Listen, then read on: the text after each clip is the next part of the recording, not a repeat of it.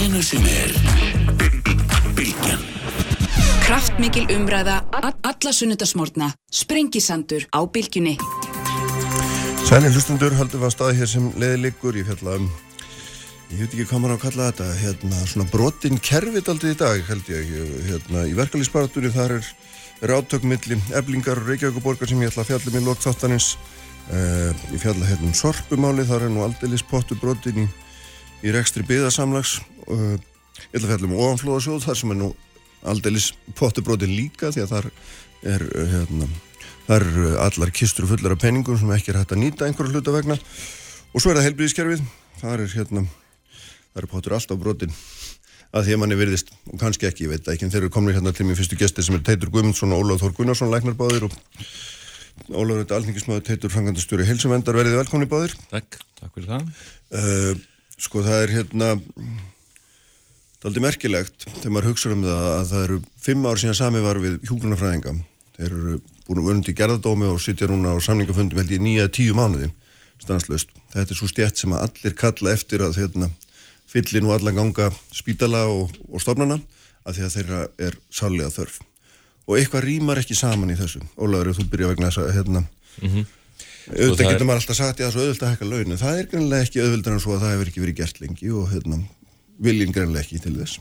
Nei, en ég held og hittir einmitt þarna naglarna á höfu, Kristján, að það er, það er algjört grundvallaratriði og í rauninni kannski líkil þátturinn í að leysa úr, að minnst okkur þeim bráðavanda sem er núna uppi, er að það verið sami við þess að stjættir ekki bara hjókunarfræðingar, líka sjúkrarlega, sem að eiga í, eiga í vinnudeilum og það þarf að tryggja þessum stjættum uh, kjærasamninga sem að duga til þess að fá þetta fólk til þess að vinna uh, þessi skemmtilegu störf. Mm -hmm. en jáfnframt erfið og krefjandi og, uh, og við verðum í rauninni að Hvað, hvað þýðir þetta tal? Við verðum og hvað, hvað fælst í því raun og verum? Nei, það þarf að hækka launessara, það þarf að hækka launessara stjætta, það þarf að horfa til þess að e, nútíma samfélag er alltaf öðruvísi heldur en samfélagi var fyrir þessuna 10-20 árum síðan Eh, núna er það ekki lengur þannig að þú getur ráðið eitthvað starfsmann í vinnu og þú getur bara búist við að hann vinni út í þið óendanlega og takja alla það auka vinnu auðvinni sem að mögulega bjóðist. Þannig er samfélagið ekki lengur. Mm -hmm. Það þarf þessum að taka á bæði á eh, launathættinum, þessi grunnlaununum, en líka á starfsumhverfinu og starfsaðstæðunum og þessar, þessar uh, viðræður hafa verið í gangi. Nú er ég sjálfsvegar ekki kannski við það borbeinlinis en, en það þarf að það er algjörg grundvallar aðtrið og það er held ég að minnstakosti einn ef ekki aða líkillin að því að leysa úr þessum vanda. Já, en þú situr úr samt í ríkistjórn, ekki við stjórnarborðið en þú ert í ríkistjórnarflokki sem er með helbriðismálinn og ert ansið nærrið þessu varaformað velferðarnemdar og ég meina hvað þýðir þetta að tala þá? Þú veist, vegna þess að það gerist ekkert í málun og hefur ekkert gerst og hefur ekki gerst neitt í fimm ár. Nei, þetta tal þýðir náttúrulega það á, að á sama hátt og það var sami við ljósmaður og sínu tíma mm. þó að svo deila væri líka erfið oh. að þá þarf líka að ljúka þessum samningum. Það þarf að klára samningana og ég held að eh, það sjá það allir og við finnum það alveg á óþreyinu sem er í e, eh, stjættafélagum þessara stafsmanna, þessi hjókunarfræðinga og sjúkraliða, að það verður að semja við, við þessu hópa en, en ítrekkað sem ég sagði á þann að ég held að hluti af þeirri löst sé líka þessi nýja hugsun í því mm -hmm að breyta vinnutíma fyrirkomuleginu og fara yfir í það að vera ekki með þess, þess svona, hvað var að segja, þetta ómennska álag sem að er á þessum stjættum.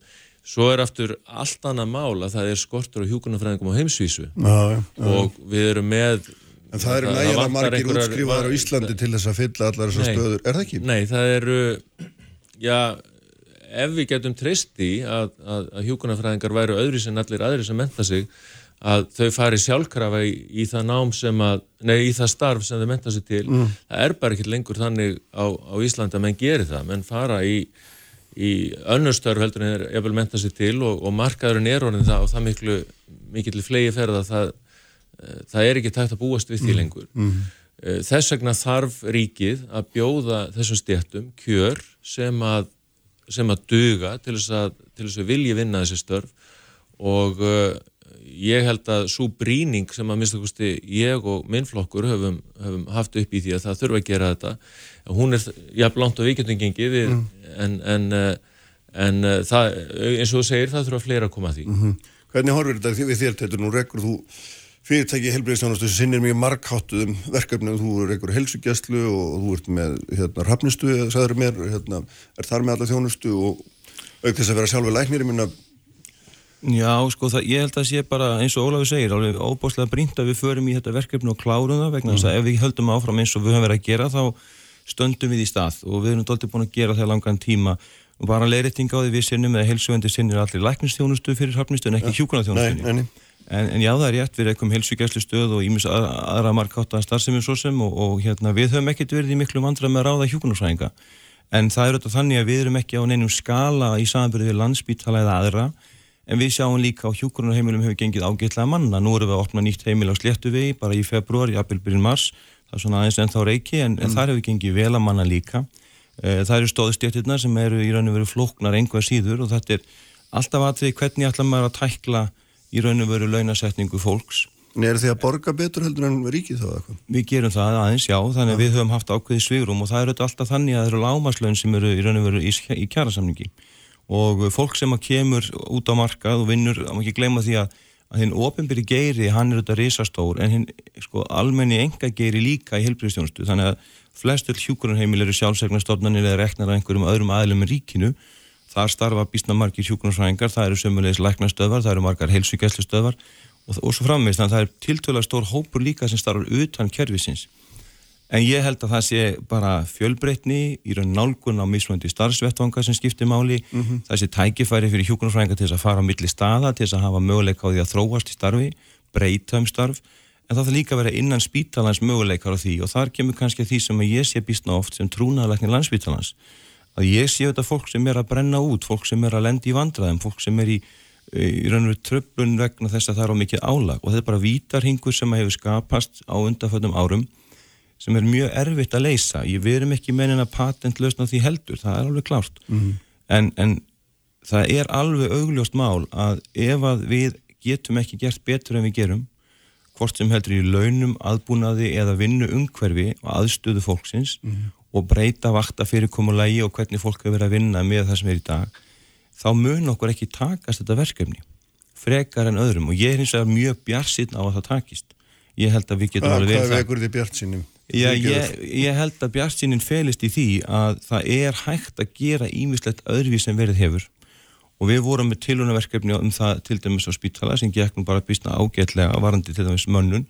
En við erum í vandraði með fjármunni og þar kemur aftur á því, ég menna ef við erum sammálum það að við þurfum að setja meiri fjármunni inn í kerfið, mm -hmm. þeir leysa ekki allt saman, en þeir leysa töluvert og struktúr hluti getur leist líka auðveitlega að þú hefur meira fjö mm -hmm. það er ekki spurning, en, en það er auðvitað alltaf galdur og það er þá á, á, færi stjórnmálamann að leysa það já, en sko, allt þetta kerfi sem þú ert að lýsa til hliðar við það sem við kannski byrjum að tala um er auðvitað ofinbært kerfi í þeim skilningi það er allt fjármagna á ríkinum já, já, það og það er, er svolítið skrítið að hérna hjókunarfræðingur eða læknir eða hversum er sem fer út úr kerfinu getur verið á herri launum heldur en hérna í flagskipinum og ég held að fólki svona hljóta finnast þetta aldrei svona undarlegt því að sami vasin sem að þetta kemur allt úr, er það ekki? Jú, jú, það er það og auðvitað er þetta kannski spurningum hvernig með skipalegja þá sín rekstur. Mm -hmm. það snýr náttúrulega því.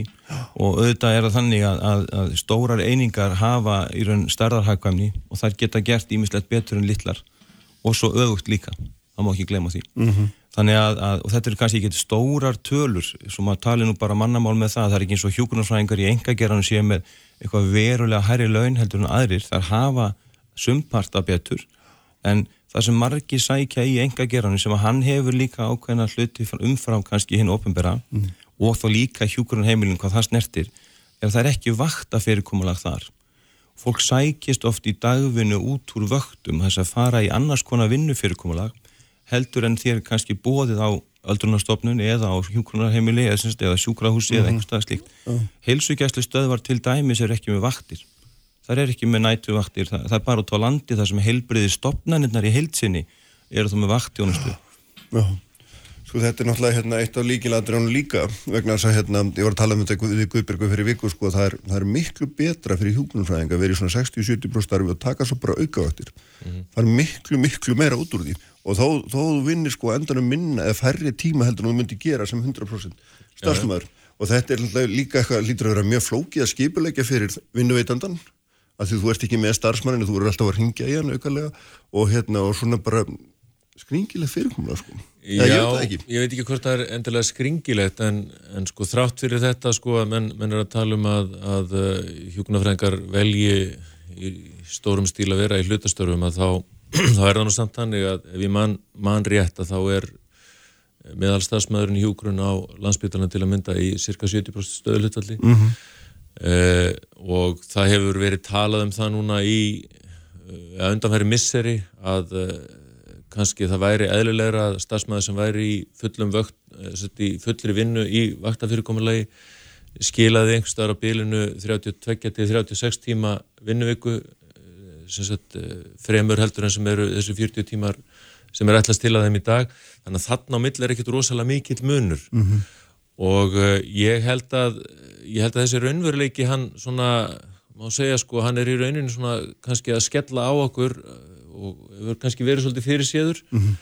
uh, en, en ég veit það alveg að, að sko þegar að við vorum í þessari stöðu að, að það vildu bara allir vinna opbóslega mikið og það var einhvers konar digð að vinna sko meira heldur en raunverulega gast þá einhvern veginn gátum við reykja okkar helbíðskerfi á í rauninni já, mér líka við að segja sko allt og fái fólki mm -hmm. það er ekki það er ekkit í bóði lengur og við þurfum að, við þurfum að breyta þessu varandi svo það sem að teitur að segja með sko með vinnumkörfið sko sem sagt utan spítalans og, og innan að þá er það það er alveg rétt að það eru það eru önnur sjónamið sem að sagt, eh, draga fólk inn á, á sjúkrási til starfa versus eh, út í út í, uh, svona, út í bæ skulum við segja.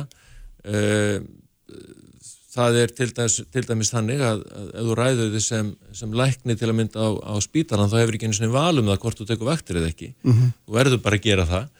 En ef þú ert, ert að vinna til dæmis á, á heilsugjæslu þá eru vektir að minnst þú að séu sé litlar vektir þá er það svona miklu miklu minni og, og auðveldari og það eru auðveldari fyrir fjölskyldu fólk að vinna slíka vinnu og, uh, og allt þetta er að breytast en, en við sem svona, hvað maður segja, helbyrðiskerfi og samfélag, við erum svo lítið á eftir að bregðast við þessum raunveruleika mm -hmm. en ég er að vona nú kjærasamlingarnir sem eru núna að þeir muni byrja að taka á þessu og raunar er, er það mjög uppurvandi að til að mynda BSRB sem er að semja sem sagt, fyrir hluta þessu fólki uh, lagði upp í kjærasamlingarna með það sem sína aðalkröfu mm -hmm að breyta vinnutímanum mm -hmm. og ég held að það sé það, og að því leiti til held ég að að einmitt þetta, hvað Teitur talaði um að hann veri björnsinn á framhaldið, þá held ég að þessi ljósi eru að kvikna -huh. Sko Teitur, það er hérna eitt, eitt af okkar vandáðunum í heilbríðskerfunu held ég með þessi ótafullir, það er, er það að hérna, það er, alltaf margt, margt fólk sem liggur inn á spítala sem ætti ekki að vera þar sem að vera hægt að sinna með ódyrari og betri hætti annar staðar og þetta er sérkynlega nefndi fráflæðisvandi og það er að segja að sjúklingar komast ekki út af spítalum að þeir finn ekki plásengstrannar staðar og nú er spurningin þess að því ég veit að þú hefur verið með hugmyndum að reysa eða hafa örðar hverfi einhvers konar heilbriðstjónustu þar sem þú tækir við eða þið tækir við þessu fólki ymsum sjúklingum sem er hérna, ymsir kvillar er að hrjá. Mm -hmm. Menna, getur engagerinn eða, eða aðrir en ríki eða einhvern veginn komið þarna inn miklu sterkar finnst þér? Eða hvað Ég held að það sé nú ekki svona einfalt sko en það sem við höfum verið að gera er það að við höfum kynnt eh, heilbriðsáðundi eh, til margara árarendar orðið möguleik á því að nýta húsnaði sem að hefur staðið aukt í kópfóinu sem er í örða hvarfi átta. Mm. Það húsnaði stendur ekki aukt lengur heldur er komið inn í það bara mjög markáttu heilbriðstarfsemi sem er mjög góð og, og, og vel þekkt og hefur verið til ára tuga starfandi og stiður við það að húsið hafi ímist tækifæri og eins og ég kom inn á þann, við höfum verið í samstarfi við aðra aðila í öldrunarþjónustu og í þessum geira sem hafa áratöga reynsla því að reyka til dæmis sjúkunarheimili og endurhæfingu og við höfum verið bara í samstarfi við þá um það hvernig hægt verið mögulega að koma að þessu máli. Við höfum kynnt það fyrir bæði spítalanum, fyrir ráðunetunum, fyrir sjúkratryggingum og, og svo þetta fyrir landsmönnum í viðtali hjá Rúf eins og kemur inn á. En þetta er svona fjóruðir hingurinn á sama verkefninu sem að hefur verið hafnað áður bæði formlega af ráðunitinu og, og formlega í viðræðum og þetta snýra þetta um peninga, við veitum það að þetta hefur áhrif á það sjálfsögðu.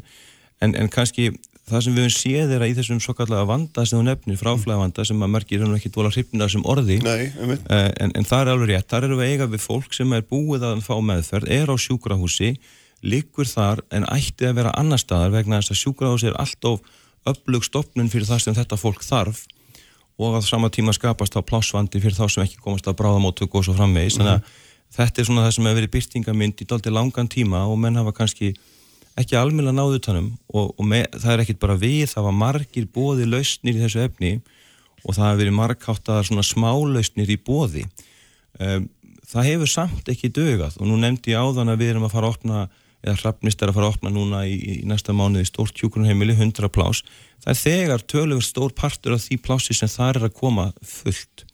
Það búið að fylla í nokkur plás mm. Og það er að loka öðrum úrraðum á móti, til dæmis á Akranesi það sem eru 16 plás sem að færast á einhvern veginn yfir í bæin, þannig að það er svona pínleiti búta sömur í þessu finnst manni. Og maður það sagt, kannski væri betra að vera með starri laust sem hefði ekki bara þá funksjón að vera að geima fólk eða sinna fólki eins og einhver staði þannig heldur jafnvel bæta við endurhæfingu möguleikum á því að koma þið til síns heima þeir sem eru að lendi vandram á undan. Mm. við þekkjum það sem endurhæfingar úrræði í hjúkunar heimilega geranum e, við þekkjum það að vera í samþættingu við heimaþjónustuð mm. og við heilsugjæslu og við rekum heilsugjæslustuð og við vitum hversu broti það er að vera í samskiptum við heimahjúkurun þær koma ekki eins mikið inn á stöðvar eins og við þekkjum út á landi.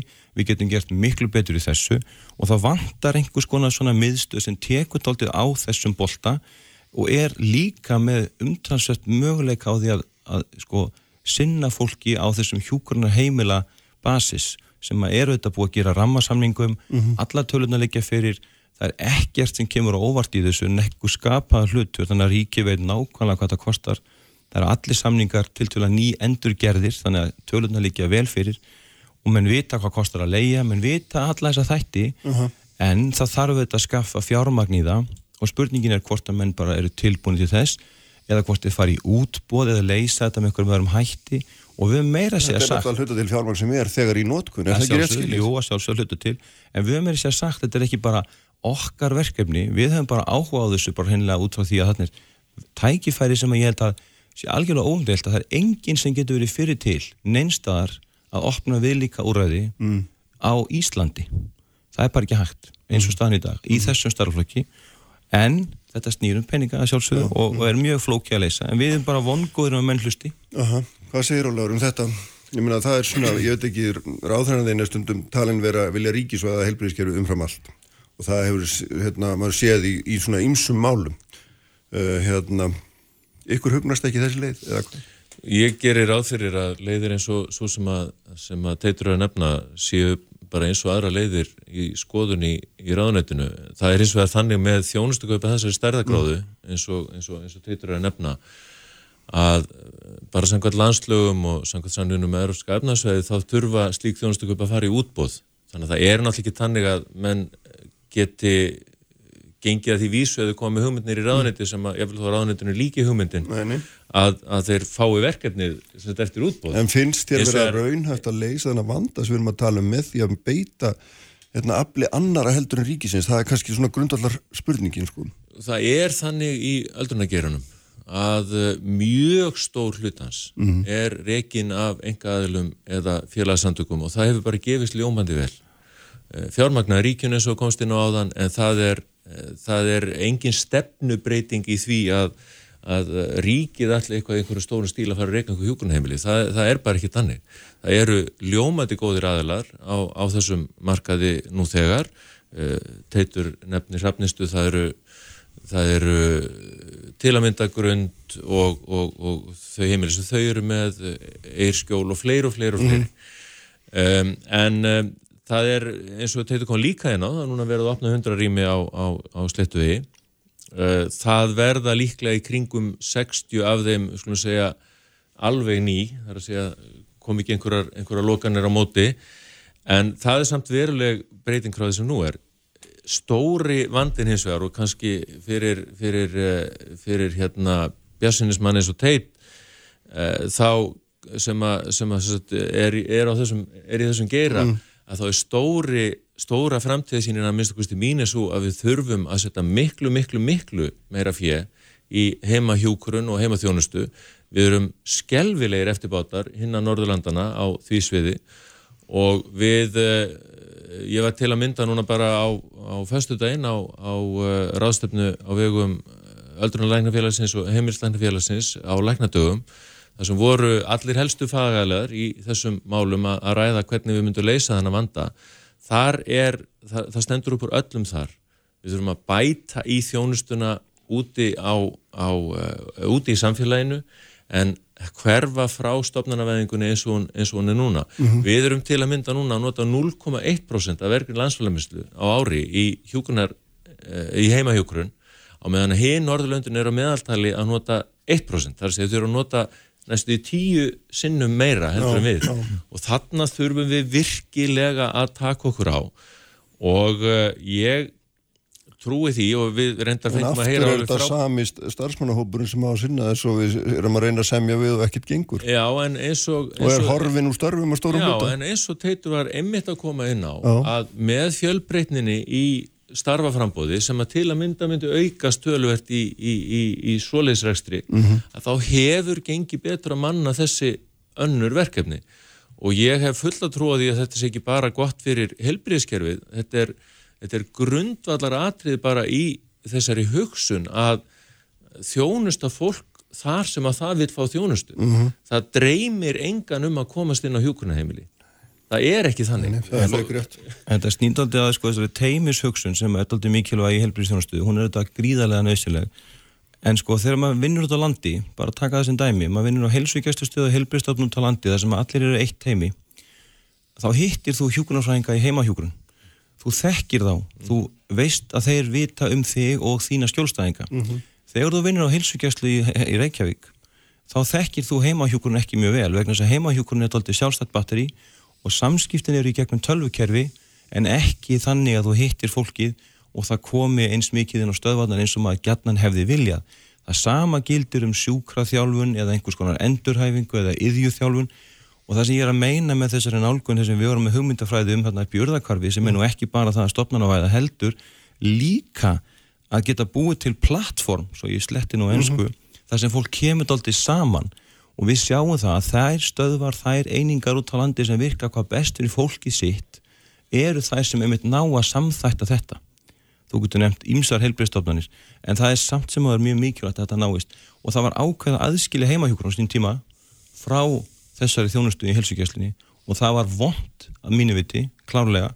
Ég hefði frekar viljað að hjúkunarsvæðingarnar á stöðinni hjá mér væri að sinna mínum eða við værim með eitthvað sameilan vettvang þar sem við hittumst mm -hmm. til að fara við fólkið en ekki þannig að hjúkunarsvæðingurinn skráði það sem hann gerði og ég þarf fyrir tilvíðun að vita það að hann skráði um Jón eða Gunnu þetta í dag þessi samskipti gangi ekki nóguleg þannig að meiningin með heimahjókurinn er frábær þjónustan er frábær, ég er algjörlega sammál Óla að þetta verður að ebla til muna og ætti þess að þetta verulega fjármunni mm -hmm. og mun vera mjög áhugavert fyrir hjókurnarfræðinga starfi og þeir sækjast eftir þessu en það þarf að samþætt þetta miklu betur en verið hefur, það er bara ekki hægt að hafa þetta eins og þetta núna. Mm -hmm. Þannig að, að peningar dög ekki nema því að þess að kerfið þarf, breyta, það þarf að breyta þessu kerfi og það var á, á þessari ráðstöfnu á læknadöfum, þá var einmitt talað um það að einmitt teimisöksunin er eins og teitur kemur inn á algjört líkilatrið þessu.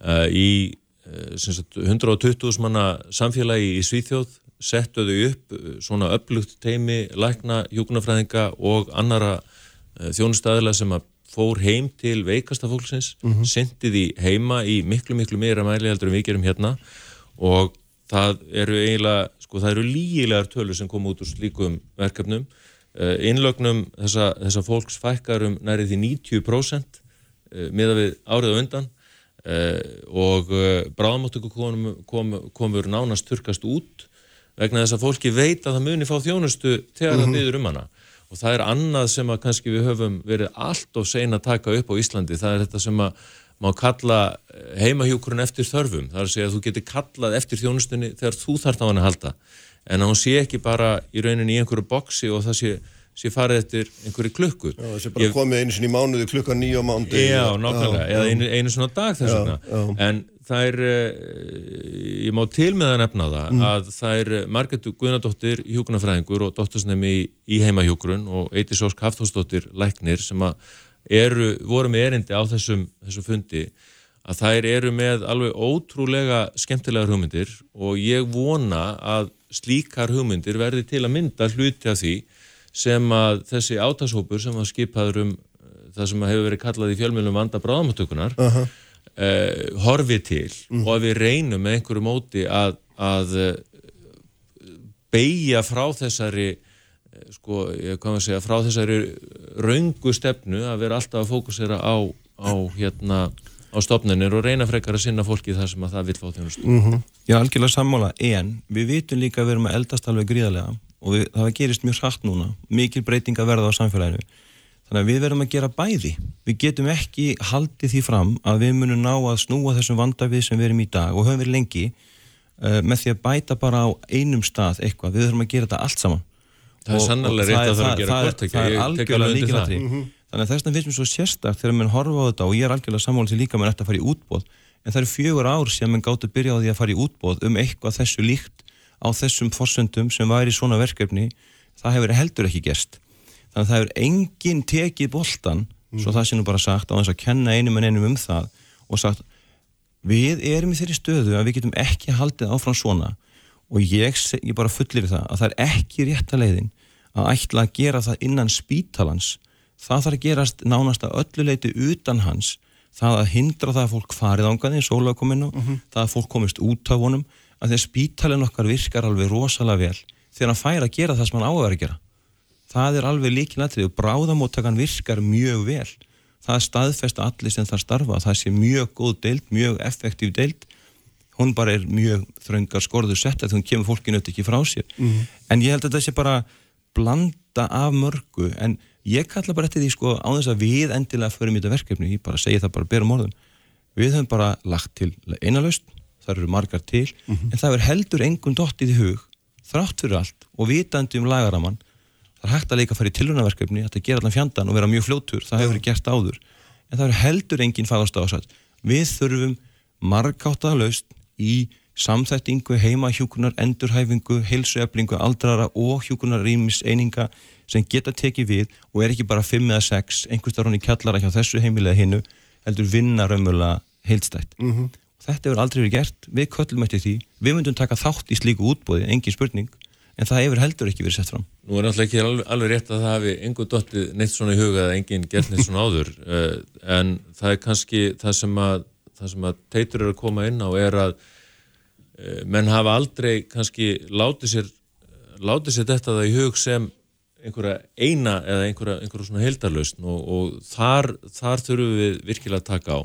Heimahjókurun og helsugjastlanu höfbruksvæðið hafa verið mjög miklu svona, hvað maður segja, starfi í því að, að reyna að snúa af þessum kurs sem að heimahjókurun hefur verið á.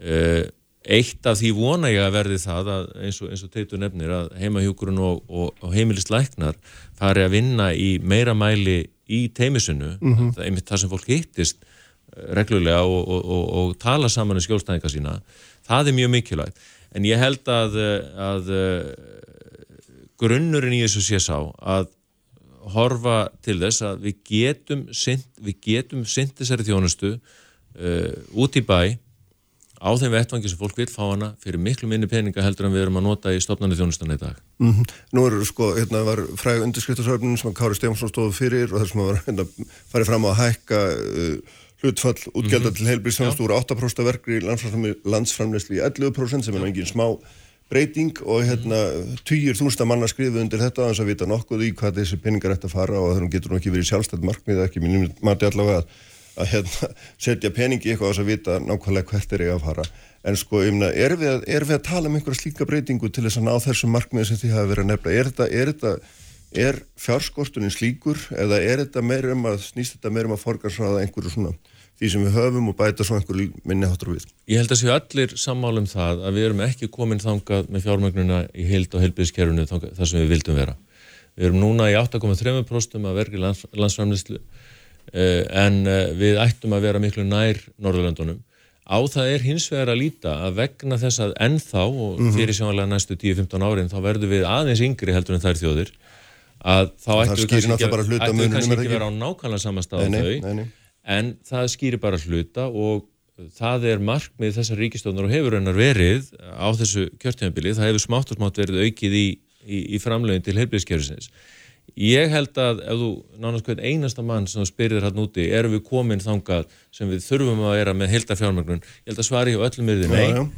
en þetta gerist í þessum skrefum og það hefur þrátt fyrir allt, þá hefur það gengið bærilega, við erum búin að Mhm. bæta einhverjum 30 miljardum frá því að þessi ríkistótt tók við, framreikna til rekstrar, Ekki byggingar. nei, Nei. og ég menna og það er það er, hellings, það er hellingur af fjármagni en auðvitað þurfum við að halda áfram að gera betur Já, þú, þú myndir ekki taka undir þessi 11% að það var nöðsilegt. Ekki á, ekki á þess allan að hafa fyrir mér hvað ég að vera á bakvið þessi 11% en við þurfum sannarlega að hækka hlutfallið. Það er engin ágreiningur um það. Já, teitur. Sko, það, sem, það sem er mjög gott í þessu er, það er, ég er algjörlega sammála, þetta verður að fara í stigum, ég held að við hoppum ekki neitt, það er engin spurningu það að það gengur aldrei, en það sem er mjög áhugavert er það að það hafa mjög margir hlutir gæst sem hafa kostað mjög lítið. Og ég get ekki dæmið það þegar ég vorum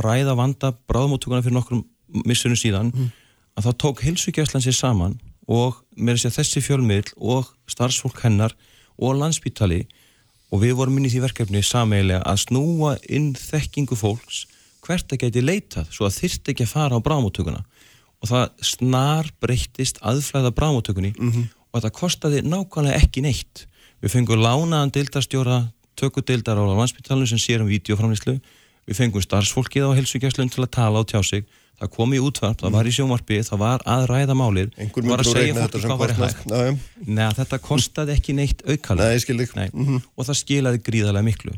Og þetta var bara svona spurning um að nota kerfið sem er til. Menn nota alltaf allt og lítið samfélagsmiðla. Menn nota allt og lítið möguleika á því að tala til dæmis hér í útvarpi eða í sjónvarpi um uppbyggilega hluti en ekki bara niðurif þannig að sko bara alltaf verja heilsugjæslan og ég reiknum einast líka heilsugjæslan hefur stór bætt sína þjónustu á síðustu misserum.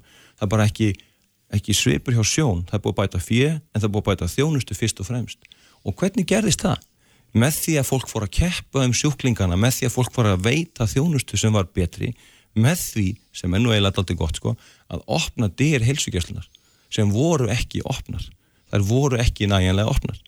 Það breyttist og það gerist á öllum stöðunum. hvað áttu við nákvæmlega með því? Ég á bara við með því að það voru ekki til dæmis opnar móttökur, walk-in móttökur á öllum Mm, já, heilsugjastlu þú þurftir að panta tíma, meinarðu? Þú þurftir að panta tíma og það var byggð. já. Það er breytt í dag. Það eru allar heilsugjastlu stöðu með slíka þjónustu í dag og sem að svín virkar fyrir ekki orðalæð. Nei, nei, þetta, Þetta er er. En Einfaldir þetta er eins og Pál Magnússon fórstjóri landsbytalan sem hefur sagt það, það, það þarf Pál Mattiasson fyrir ekki að það þarf ekkit endilega að setja alltaf meira og meiri peninga inn til landsbítalans landsbítalinn hefur hagað því að það sé bætt í kerfið utan spítalans og bara til að halda því til haga að þá hefur síðan 2017 það hefur orðið 25% aukning tæplega á framlögum til helskæðslu höfbörgsæðisins auðvitað skiptir það máli. Eftir líka, Ólafur, sko, áratuga veist, eh, við sitjum hérna hjá ágreiningur. það. glæsibæ, skilur ekki, maður getur hort hérna á út um gluggan, sko, þar var valla kjaftur í mörg ár. Á reitn og tveir læknar eftir. Já, en það eru, en við skulum samt Þannig til þess, það. er verið að bæta í Já, já, og, er ekkert og við um erum, það, en við er erum, bara- á, þeir, erum á þeirri leið en uh, við þurfum alltaf að halda áfram að gera betur Já. Heyrðu, hérna, fyrir tæmi vikum að skora á helbriðsráður að koma með hressild útspil inn í kjærasamninga hjógrunarfræðinga. Ég hef ekkert heyrt að því. Hvað heldur þú? Ég, veit ekki hvort að heilbriðisáðran getur komið með hressilegt útspil að öðru leiti en, en því að ja, öðru, öðru leiti en að ræða það þá við, við fjármálaráðura sérstaklega en uh, ég held að við þurfum öll í rauninni, bara allt samfélagi þarf að auka þrýstingin á alla sem sita við þetta borð að ganga frá samningum Jámandi. Teitur og Ólafur Þór, þakka ykkur innlega fyrir að koma. Þetta var bæði frólægt og áhugavert eins og við varum búist. Uh, ég ætla að fjalla um ofanflóðasöðu hérna eftir augnablík. Uppspretta frétta á Sprengisandi á Bilginni. Sprengisandur. Alla sunnudaga á bylgjunni. Sælir eftir hlustendur, haldum hér áfram á Sprengisandunum Viðar Þorsteinsson sem er framkvæmtastjóri Eblingar verður hérna hjá mér í lokþáttar. Þær verða hérna líka Bryndís Haraldsdóttir og, og Theodora Þorsteinsdóttir. Þær ætla að fjalla um málumni Sorpu viðarsamlagsinn sem að hérna og nú veistu eitthvað örlítið fram úr áallunum svo vægt sér til orða tekið já, já, heyrðu, en ég ætla að fjalla þess áfram hérna um ofanflóðasjóð, halda áfram umræði frá því fyrir viku þeir eru sestir hjá mér Haldur Haldursson fyrir randi bæðastjóri Ísafyrði og stjórnamaður í ofanflóðasjóði uh, og Sigvartur Björgvinsson fyrir randi aldingismæður og ráþæra til áratuga Sigvartur, sko, hérna þú varst í ríkistofninni, ef ég mandar rétt sem að setti launum oflóðsjóð. Nei, Nei, ég var í ríkisjóð til 1995, vor, vorið 1995. Ég var hins vegar í ríkisjóðunni þegar flóðin urðu, bæði á Flattir og, og Flóðavík. Og þegar við byrjuðum að undirbúa það sem síðan var lög og ég bara man eftir því áfalli sem menn urðu fyrir ekki, ekki, bara um allt Ísland Já. og ekki, ekki síður við í, í, í ríkisjóðunum, hvað þá heldur við þingum Vestfjörðinga og það var strax farað að undirbúa það hvernig það ætti að bregðast við. Og var því að það voru tvei ráðherrar einhverjum sérlega í því, það var Össu Skarpjæðinsson sem var umhverfisráðherra og Rannveig Guðmundsdóttir sem var félagsmálaráðherra. Og síðan allir, allir ekki sjóttin með. Og síðan er þetta mál flutt uh, af uh, ríkisjóttinu sem tók við af okkur, það var síðan Davíð áfram fórsættisráðherra en framskor flokkur í kemur inn. Og þetta er síðan samþýtt 1997 og uh -huh með og drjúum stöðningi, það voru allir, allir þingvað sem stöttu þetta. En því miður og þá hefur það ekki haldist. Nei, og var ekki á þessum tíma hérna, svona nokkur tímarami ljós, var það ekki strax þá sem að menn svona settu sér eitthvað ákveði ramma til að klára? Menn settu sér uh, ramma til 2010, Já. það átti alltaf að vera búið 2010 en það var náttúrulega ekki búið að hanna öllu mannverki og fleira uh, 1997 þannig að það, það tók við talsvert, já, erfitt hann að tímabild, já, mm -hmm. menn voru þetta hanna hluti sem menn hefði ekki, ekki ráð, ráðist í áður á Íslandi svo þetta tók svolítið tíma hanna svo þess að menn gátt ekki farið á fullt strax fyrsta árið með fjár, þá fjárveitingu sem fjast en þetta, þessi fjárveiting sem er fjast áttu að vera dagilegt til þess að dekka kostnæðan til 2010 mm. og hún reyndist vera það mm -hmm. en hún var bara ekki notur eins og skildi Nei Hvað, hérna Haldur, þú er stjórnarfæður í, í þessum sjóði sem, að, hérna, sem eru svona merkilegur á Íslandi vegna svo oftast eru sjóðir tónir og hérna menn kvarta mikið að sé ekki þetta að fá fyrir þess að það er ekki þannig með hennan. Hann á, það er alla kistu fullur af penningum en, hérna, en þeir eru ekki nýttir. Já. og það hefur ekki alveg verið skýrt af hverju, er þetta kæruleysi eða er þetta hérna það að menn viti ekki eða þessi er ekki þekking í landun eða er ekki nægilega aftkast að geta eða sko Hva, hvernig svona útskjöru þetta verið mér, ég botni ekki í þessu Sko ég held að ef þú opnar kistuna þá sé ekki mm. díinni vegna þess að það er búið að nota þess að 23 miljardar sem eiga þar í Já, ég átta með því reyndar, já, já, já. Ríki skuldar sögum þetta já. já, þeir fóru ofan í kistuna að því að, að, því að húsegundur á Íslandi er að borga tæpa 3 miljardar ári e, í ofanflóða sjóðin en það er bara verið að nýta 1 miljardar ári núna og búið að vera þannig ansi mörg ár Ég held að þetta sé þetta reddast hugarfarið mm kæruleysi sem að hefur orðið þess valdandi að, að, hérna, og, og gleimska sem hefur orðið þess valdandi að það er ekki verið að nýta þessa fjárminni ástæðan er ekki þekkingaskortur á Íslandi. Það er gríðaleg þekking á þessum málum inn í verkvæðastofunum hjá Veðstofu Íslands og, og við erum með fólk sem er bara mjög framalega á heimsvísu í þessum mm -hmm. málum. Ég hef settið alþjóðlega ráðstöfnu fleiri en eina varðandi svona ofanflóðamál og ég sé alveg hvernig okkar fólk kemur fram þar. Þannig að það er ekki ástæðan. Ástæðan er ekki svo að við höfum ekki verk taka til að vinna þessi verk. Ástæðan er ekki svo að það sé ekki hægt að hafa verk tilbúin.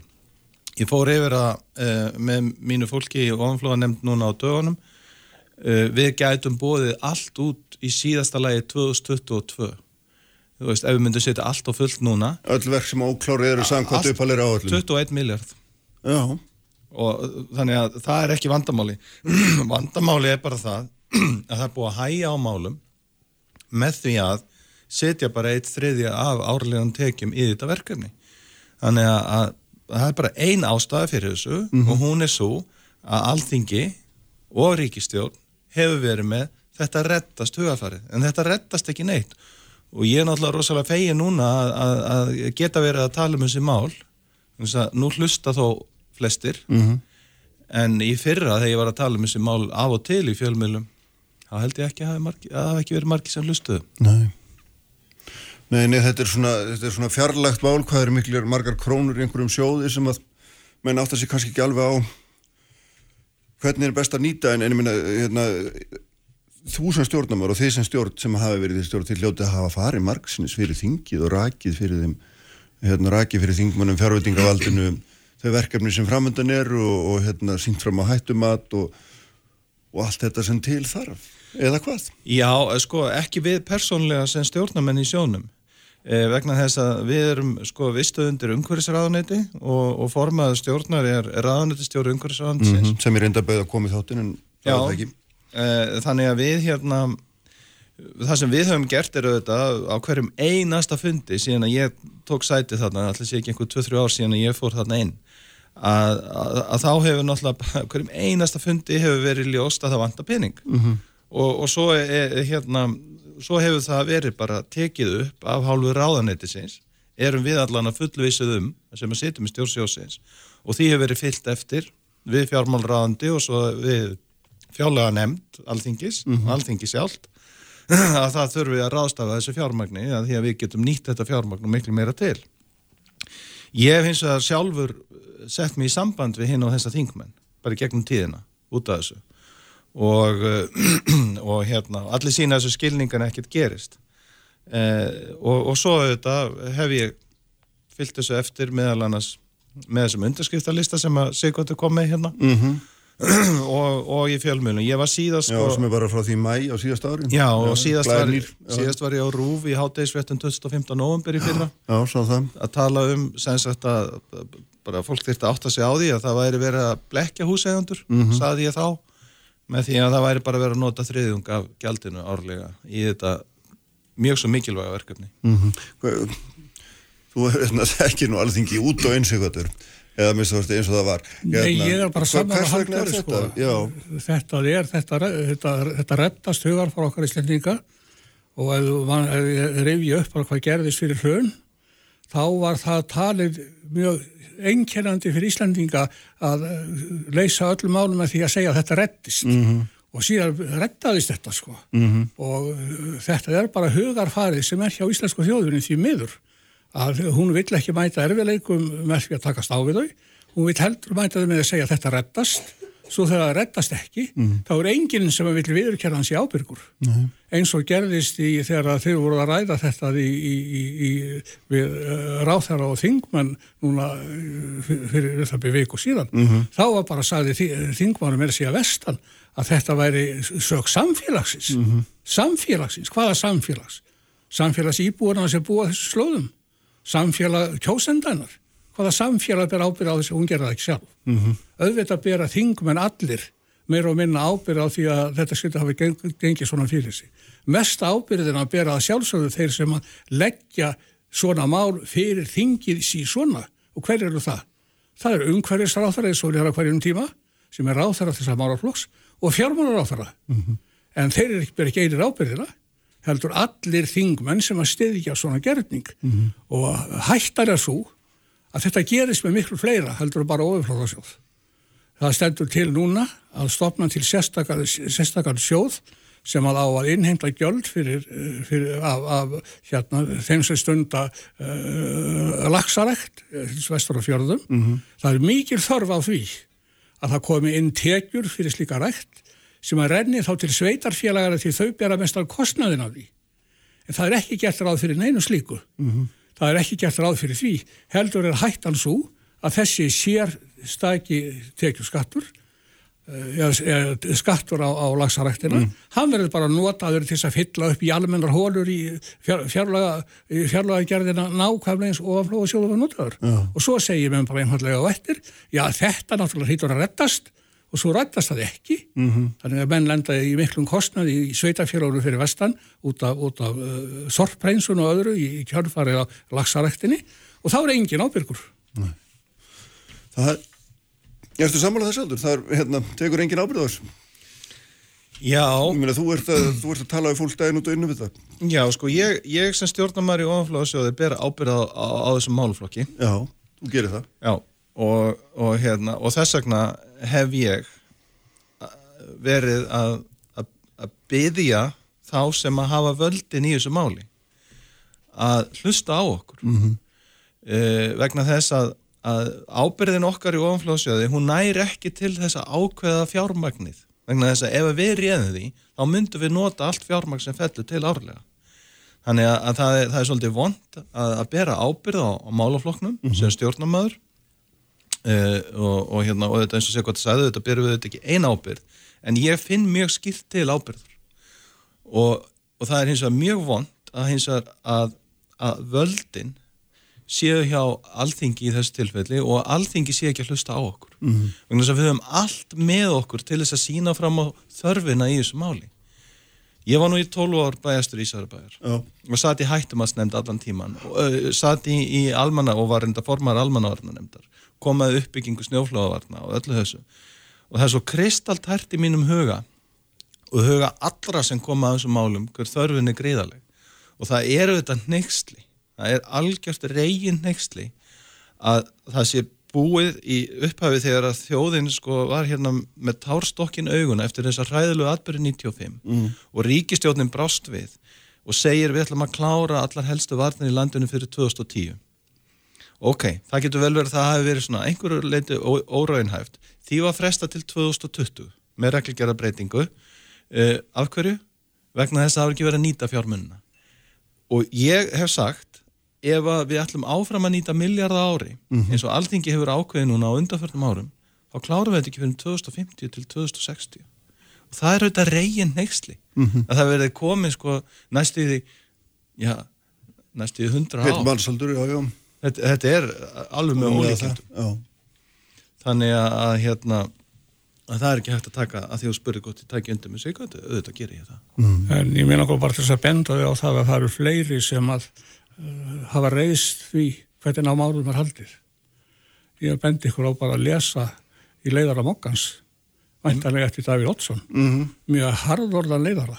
Einmitt. Það sem hann lýsir mikill ábyrð á hendur þeim sem hafa staðið að afgreifslu málsins svona. Mm. Það er ekki stjórn og oflóðasjós. Hún, hún ber ekki ábyrð á því að verja peningum öðrum en þeim sem hún hefur fengið til, til að geta varið. Einmitt. Hún ber ekki ábyrð á öðru en Davíð Oddsson sem var nú forsættistráð fyrir þeirri ríkisjórn sem hann setti lögin um ofurflóðasjóð mm -hmm. hann liggur ekkert á skoðunum sinni í leiðara mokans Nei, hann gerir það ekki og, og, og ég mann hversu vel hann kom fram í þessu máli á sínum tíma og, og hversu gott var að eiga samskipti við hann að snýra öllum þessum málum því að það var margt sem kom upp mm -hmm. á í ferlinu og mm -hmm. svona þegar ég kem að málum þarna 98 sem bæjastöri En hvenar byrjar þetta svona að fjara út, ef svona má segja? en það hefur vantlega verið mjög mikil hugur í mönnum einhver fyrstu árin og hérna miklar áallanir gerðar og mælingar frangvendar og rannsóknir þarna og síðan bara áranum fyrir hrun þegar það er svo mikið þensla í samfélaginu að það mátt ekki frangama að þá er bara fórkámsöðun ekki nógu sterk á þetta svo mm -hmm. kemur hrun og, og þá er ekki til neini peningar Jú, og... það voru til peningar í hruninu. Jú, jú, en það, þeir voru bara ekki notaður. Þeir voru ekki notaður. Þannig að þá, þá, þá voru þeir peningar sem voru sjónum ekki notaður. Mm -hmm. Þess, fyrst var það að því að það var ómikil þensla, Já. svo að því að það var allt og lítil uh -huh, þensla. Uh -huh. Og síðan bara kærleysi. Algjört kærleysi. Menn bara horfast ekki auðu við, þá hættu sem að hérna, ættu nú öllum að vera að ljósa þetta. Og það er ekkert hægt að vera að benda hver og annan, sko þingmenn get ekki bent á ráþæra og ráþæra getur ekki bent á þingmenn það eru mm -hmm. allir ábyrgir í þessu máli og þingið hefur þetta síðasta orðið mm -hmm. En það sem er þá allavega svona jákvæmt að sem að segja er að, er að þú segir að þið geti í raun og veru lokið þessu hratt ef að, að fjármennum skilað ef að sem að segja Ríkisöður hérna, Sigur Ingi talaði nú um það hérna, ég sá nú sekundur og þú gafst mjög mikið fyrir hans málflutning almennt í þættinu síðast en hann viðkynnti þó það að Ríkisöður skuldaði ofanflóðasjóði peninga, það vildi orða að þannig. Já, algjörlega. Það er annað sem ég langar til að spyrja að Halldóra, sko, nú kemur fram í þessum tekju áallunum og oflóðasjós að það er gert ráð fyrir umtalsverðum vakstatekjum. Já. Það er að segja að uh, tekju sjóðsins, venjulega tekjur, fastatekjur eru 3 miljardar, síðan þegar vakstatekjur eru eknaður með þá er þetta komið á 4 miljard. Mm -hmm. Og þá spyr ég, sko, getur það verið að eitthvað af þessum fjármunum sem að, áttu að renna til oflóðavarna hafi verið laðir í sjóð til dæmis hjá Sælabakka Íslands og síðu þar tiltækir hvaðan koma þessir vextir mm -hmm. sem að er verið að greiða inn í oflóðasjóðu áru hverju. Já, með, meðan að sko meðan þetta var í rauninni sjóður að, að, að þá var haldið utanum vextina í ársreikningi sjóðsins. En svo var lögum breytt fyrir einhverju, ég man ekki hvort að það er 2-3 ár síðan. Þannig að nú er rauninni engar sértökjur engi sjóði lengur. Nei, búið að leggja af alla þessa marka Allt saman rennur bara óskipt inn í ríkisjóð Já. sem er reyndar eh, lagabreiting sem að ég var alfari á móti og sveitafélunum landinu voru alfari á móti. En alltingi gerði engu síður. Ég tel að það hefði verið mikil mistök að gera mm -hmm. En þessar vextatekjur sem að Sigvartur er að nefna eru þá af eldri Já. fjármunum Já, Já. eru af, af þessum miljörðum sem voru í sjónum áður en að lögunum er breytt. En ég ætlaði að segja að því já. ég saði hérna að það væri hægt að bjóða allt út 2022, já, já. svo þetta tekur við þetta uh, nokkura ára framkvæmda tími og það sem að þarf að gera núna uh, eftir, eftir flóðaflatirinn núna, það þarf að endur með þetta varnir. Og það þarf að endur með þetta þar varnir sem hafa verið byggðar uh, og það þarf að endur með þetta þar varnir sem á eftir að byggja. Það mun ekki taka mjög langan tíma. Við erum bara að tala um nokkra vikur í því mm -hmm. bara að fara í gegnum það.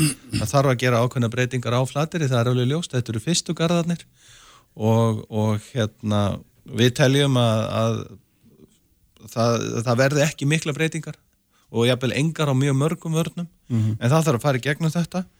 Eh, en það mun ekki tefja málið mjög mikið. Eh, það er bara nokkra vikur eins og ég sagði en svo mun franganda tímina því að að því að, að því að við höfum ekki haft þessa fjármunni þá mun auðvitað framkvæmda tímin eh, verða all nokkur ári viðbútt. Mm -hmm. Það er ekki hægt að klára þetta fyrsta lega næstu 7-9 árum sko, sem myndi klára Þannig að svona 2030 er kannski raunhæft. Já, úr þessu sko. Já. En 2020 hefði alveg verið raunhæft ef það hefði verið settir í þetta þeir fjármunni sem mm. En þá er Ísland náttúrulega ný spurning. Núna er fyrirleikjandi nægilega fjármagn til þess að ljúka þessu framkvæmdum eins og það er áallat að það er kosti. Já. En stendur ekki til að halda áfram að innheimta göld af fastegningandum inn í sjóðin þó að sé verið að innheimta göld umfram það sem talið er að framkvæmdum kosti. Þessu verður alltingi og ríkisút líka svara.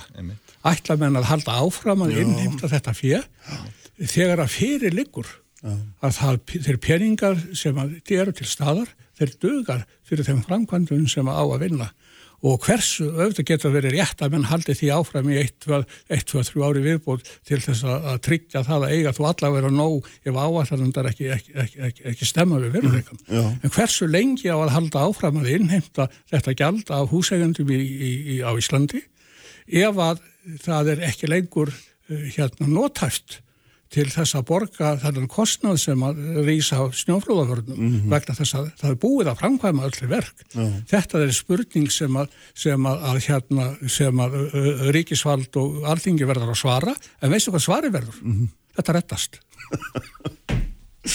það er akkurat. Hérna, nú er í störfum nefnt, hérna, það er eins og alltaf þegar allt er úrskeiðs í okkur, það er alveg saman okkur. Er, þetta er eitthvað annað, það var sett á laginnar nefnt og sem á að skila tilögum hérna, á nokkur að tafar með hérna, snöggum lausnum og hún á að vera fjórar vikur. Bindur mikla vonu við hann haldur eh, Já það nefndi sem á að fara yfir hvort að fjármunir og já, að, já. Ég, ég skil ekki þessa nefnd. Þú skilur hana bara ekki? Nei, akkur var ekki bara akkur fengum við ekki bara tölvupost í ofanflóðasjóðu við hefum getað að prenta át skjali sem við erum að vinna með. Það, þetta er náttúrulega líkur alveg ljóst fyrir. Það líkur alveg ljóst fyrir hvaða verkefni býða, hvaða verkefni eru eftir hvaða verkefni er hægt að bjóða út á morgun hvaða verkefni er hægt að bjóða út á næsta ári. Já og svo restina 2022 nefndi getur bara fengið útbrentun og hennar vinnu lokið.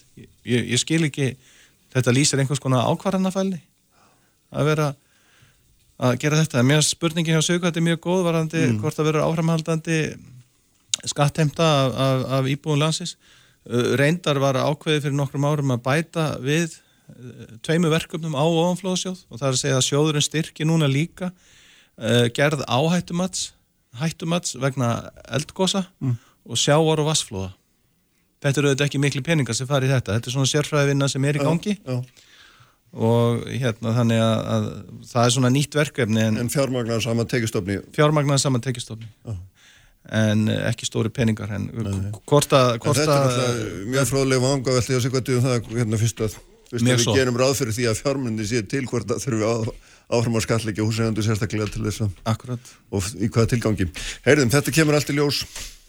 Fyllingu tíma sem svo sattir Sigvardur, takk fyrir að koma. Takk. og Haldur sjálfsögðu hérna ég ætla að halda áfram hér að ræða þá um málefni Sorpu. Þegar verða hjá með Bryndis Haraldsdóttir og, og Teodor og Þorsteinsdóttir. Ég get alveg verið með því. Já, ég veit það. Uppspretta frétta á Sprengisandi á bylgjunni. Sprengisandur á bylgjunni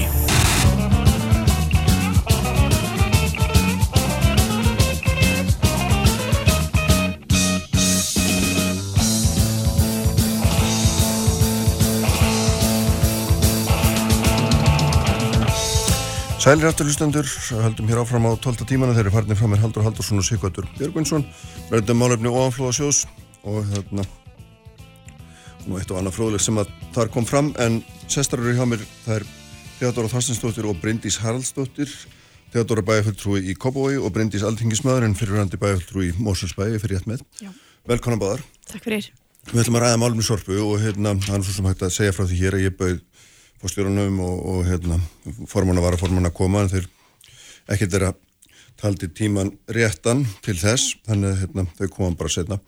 Eh, en þið náttúrulega hérna, þekki þessi mál uh, mjög vel því það hafið verið lengi sveitastjórn og, og sátu nú saman í hérna sátu nú saman í stjórn stræt og bjess var það ekki mikið rétt og það sem að yfir ykkur var sett neyða stjórn fyrir allt voru skeiðis í hérna ferlimálum fallara en við skulum kannski tala um það eftir en, en hérna sko það sem að svona kannski byrjum á, á er að sko maður sér það strax að hérna það eru, eru mjög skiptar skoðanir um þetta fyrirkomla, þetta byggða samlags fyrirkomla hversu hérna og, og hvort það virki vel eða illa á svo framvegis og hérna greinlegt að það hefur stundum bröðist og, og þú byrtir á þinni heimasíðu Teodora hérna uh, mynd af stjórnskipulaðinu aðna mm -hmm. sem að er eiginlega brandari Já. því svo margar eru nefndirnar stýri hópadnir og ráðinn og allt áðurinn kemur að framkvæmdini að þetta er eiginlega bara hérna algjör flækja sko Já, já, og ég nefni það líka að ég, ég að mín skoðinu svo að þessi ofinveri innkaup bara almennt á setjastjónasti, ég sé bara eiginlega taka þetta til sko endurskoðunar almennt og í mm -hmm. gjörgæslu mm -hmm.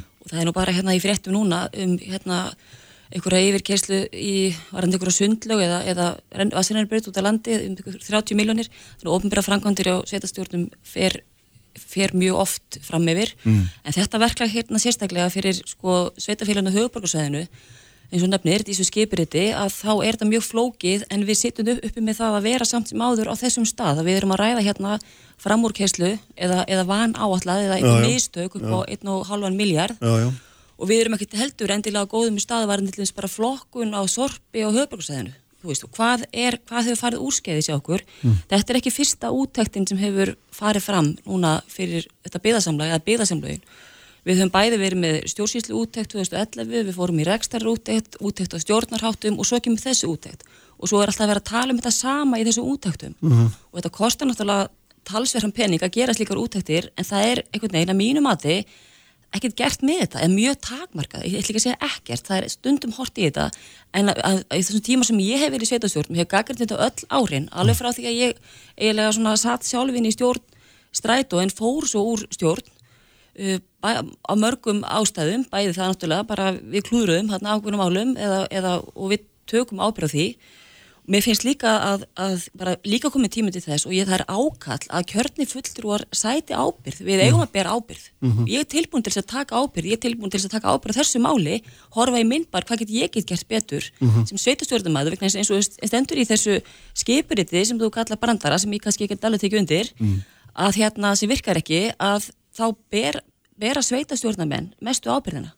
Þeir eru efst í, í hýjarkinu og það er, hérna, allan hefur verið mjög torveld leið fyrir mig að fá upplýsingar og ég held að ég geti fullirt að ég sé kannski svo bæfældur sem hef verið svolítið mest að pöngast í þessu. Ég hef allar minnstakosti á öllum ársfundum komið með tilugur eða, eða verið með einhverjar tilugur af breytingum allt frá því að, að hérna, móta sammegilega stefnu, ég ger þetta einhverju góðu yfir þegar hreinlega bara leggja þetta nýður ég, ég veit ekki hvað þarf að gera mm -hmm. Í þessu og núna þegar þetta mál kemur upp og enn einn úttektin þá bara get ég ekki setið á mér lengur, við þurfum að einhverja rótækka breytingar, við þurfum einhverja rótækt hérna bara í, með ákall um það að við, við, við snúum þessu við. Og, mm -hmm. og hérna og það er þess vegna sem ég segi bara ég, mín gaggrinni hún snýr auðvitað mínum fulldrúa e, sem er e, Birkir Jón sem er formaður stjórnar, Kópa og Spær ber ríka ábyrg, við leiðum þetta núna. Mm -hmm. við, höfum stjórnarferðmiskuna og það, það er enginn sem getur dreyið það í, ef að stjórnarformaður hann ber mikla ábyrg og mestu ábyrgina innan þessu hóps mm -hmm. og þannig að, að hérna það það sem að ég, þess vegna vil ég bara hérna, láta minnstakosti mínaskoðinu ljóð sem ég hef einhvern veginn reynda að, að koma með einhverjum veikumætti í gegnum þennan tíma og, og ég vil líka nefna það að við Birkir Jón við erum búin að setja jafn lengi í, í sveitastjórn, hann kom líka inn 2014, Mhm. þannig að við erum og hann er ekki alveg blöytur bak við eirun gagvert sko svona rekstri þessa byggðarsamlega vegna sem við vorum með þetta í fanginu líka hér á síðustu kjörtíðanbili, þannig að, að það að, að, að hann komi algjörlega nýr inn 2018 er bara, ég get ekki tekið undir það vegna sem við þekkjum þetta jafn vel, eigum að gera það. Aha. Hvernig horfur þetta þér, Bryndís? Ég minna þetta er náttúrulega bara opaslega sorglegt þessi fannállin og, og við erum að tala þetta um hérna e, bara tekjur íbúa hér á höfuborgarsvæðinu sem Mm. hafa verið nýttar í þetta og, og það er auðvitað rosalega miður og sérstaklega vegna þess að þetta er svo opbóðslega mikilvæg framkvæmt. Ég hefði náttúrulega vilja sjá þessi gas og, jargerastöð er opbóðslega stórt sko umhverfismál. Mhm. Númer 1, 2 og 3 er þetta risastórt umhverfismál sem búið að taka allt of langan tíma að mínu mati að koma á. E, því að það er hérna útblástur af sorpin okkar og við erum, ef maður fer þarna, það er, sko, það er rosalega upplifun að koma upp í Álsnes og sjá allt þetta sorp frá höfuborgarsvæðinu grafið þarna ofan í jörðina. E, og við í Mósusbæði höfum auðvitað haft e, miklar hérna mikla áherslu á þessa framkvæmt í langan tíma því að það er mikil líktarmengun frá Álsnesi Mm. og þetta er til dæmis eina aðgerð sem mun vonandi koma alveg í veg fyrir hana allavega að draga mjög úr henni. E, þannig að mér finnst þetta sorglegt þegar svona kemur upp e, en það sem ég kannski gaggrindi, ég, ég skrifaði nú eitthvað pistil hjá mér á Facebook og, og þá var ég nú að gaggrina Theodoru og viðreist Já. við þau viðbröð sem að ég hafði heyrt í fjölmilum og það var annars vegar formaði borgarás eh, borginu auðvitað stærsti eigandi sem að sagði eitthvað á þá leið minni pólitík og meiri faglegheit Já.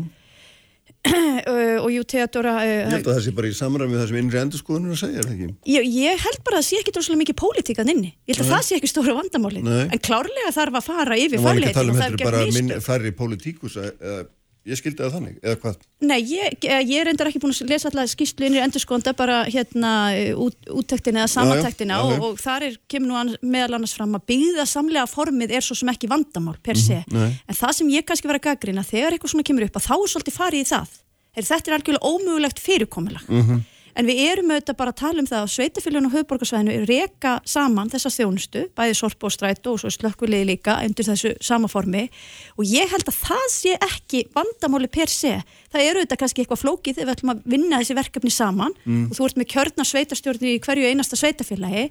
Þannig að ég var í rauninu bara að segja auðvitað og ég tök bara undir það sem þetta segir hér, eða Theodora, að að, hérna, að ábyrðin er sveitastjórnana og ábyrðin er stjórnarinn og ég, hérna, það sem ég hef heyrt frá stjórninni er að þau tóku þá ábyrð og þau segja, segja það og fyrirvændi mm. fórstjóri sagði það þegar þetta mál kom upp hér er mannleg mistök og ég ber ábyrð á því Mhm.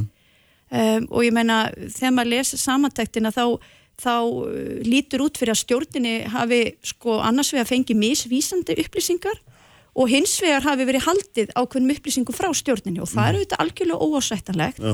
Og, og þarf að fara betur yfir Já, reyndar er ekki rétt að halda því frá til haga að hann hefur nú sko mótmælt þessu á þess að fara nákvæmlóni að hann björn hérna Já. frangandastjórin sem núna, núna er komin í, í leifi og segir þetta sé byggt á ótröstum gagum og svo framvegs bara svo því sé halda ég til haga sko. og þess vegna það held ég að sé nú ástæðan fyrir því að þú hefur ekki fengið stjórnarmenn Já, í sorpu, þeir eru að býða eftir því því hann hefur hérna, uh, hann hefur frest held ég fram yfir næstu viku til að Já, koma með já, sín já. andmæli við skýslunni, þannig að það er ekkit víst að þetta sé alveg algjör sannleikur en, en, en það sem stendur í skýslunni í dag og það sem að niðurstaða innri endurskona uh, er ekki góð og Mm. það lítur ekki vel út Nei.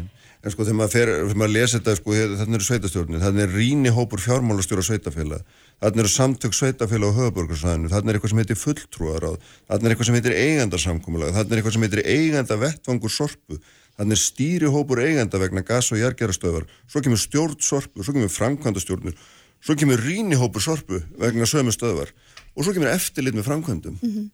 Muna, þú veist, Svo fyrir allt úrskeiðis, svo fyrir allt úrskeiðis Já, og það kemur... getur það annað, skilur, þetta Já. er bara eins og eitthvað sovið svona, Já, eitthvað svo- kafkaísk upplifun. en sko, hugsaði þetta, svo kemur úttekt á þessu, við, við, við sess að það fer ekki úrskeiðis, það kemur úttekt Mm. og undir eðlum kringustæðin þá ættu við bara öll að taka þátt í því að uh, skoða hvort auksalega gæti þurft að breyta þessum formi sem þú ætti að nefna hérna Mm. uh, efninu inn í þessu að bæta ferla og svo kannski að ráða